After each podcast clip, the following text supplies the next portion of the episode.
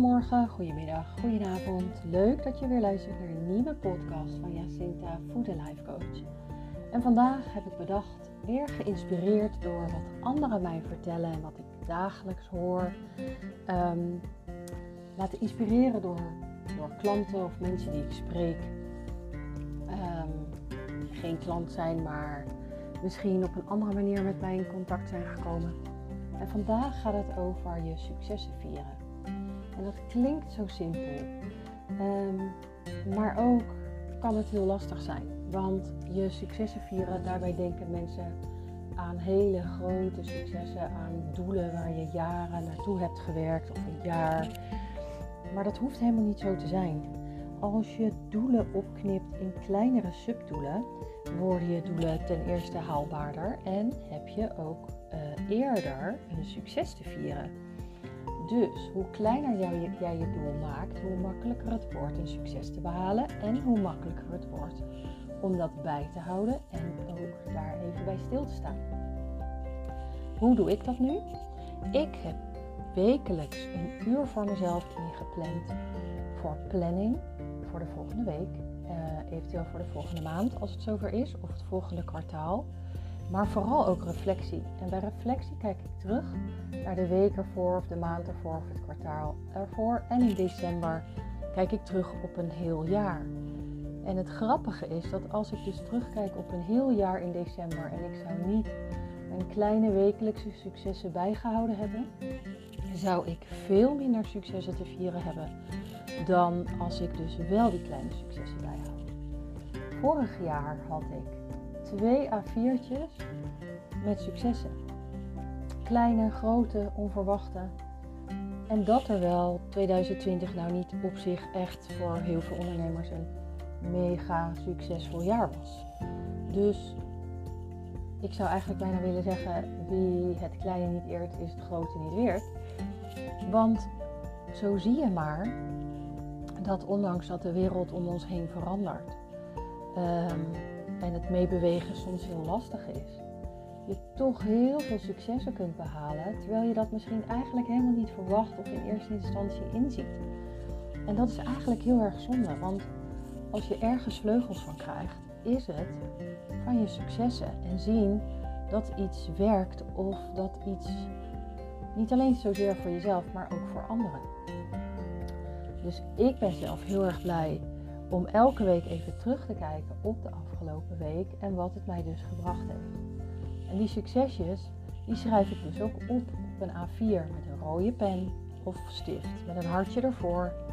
En zo krijg ik een steeds langer wordend lijstje voor een heel jaar vol met successen. Successen vieren kan eigenlijk altijd. Je hoeft daar niet een uh, zakelijk doel aan te hangen. Juist niet. Ook gewoon kleine persoonlijke doelen kun je eraan hangen. Wil je een training gaan volgen? Wil je iets organiseren voor iemand? Waar begin je dan? En wat is het uiteindelijke doel? Um, ik had bijvoorbeeld niet gedacht dat mijn podcast zo goed beluisterd zouden worden door een bepaald aantal type klant. Um, waarvoor ik eigenlijk had bedacht dat ze daar niet in eerste instantie voor bedoeld waren.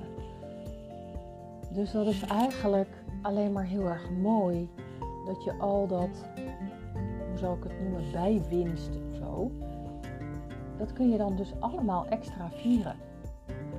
Um,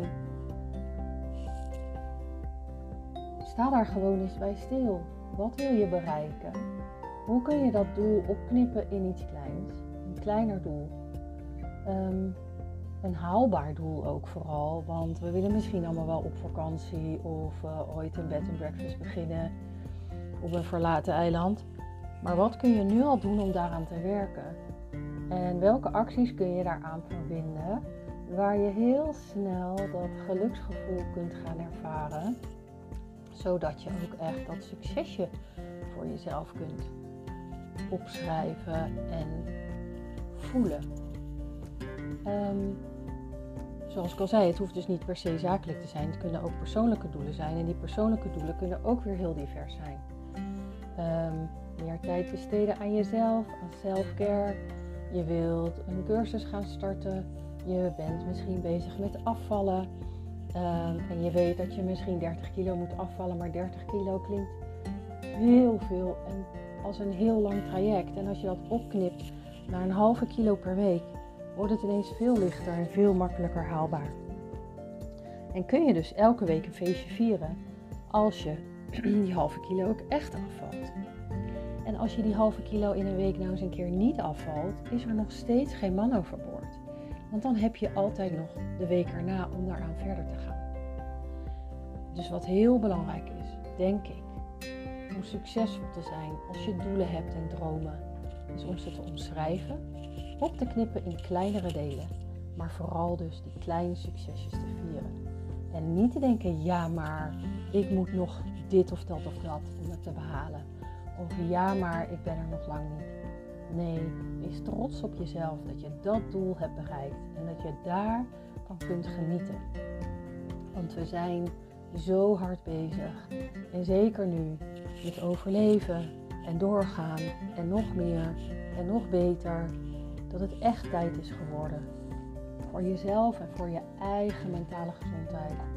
Om daar meer bij stil te gaan staan. Heb je me vragen, stel ze gerust. Je kunt altijd een gratis lichtpuntje boeken als jij het over jouw doelen en successen wil hebben.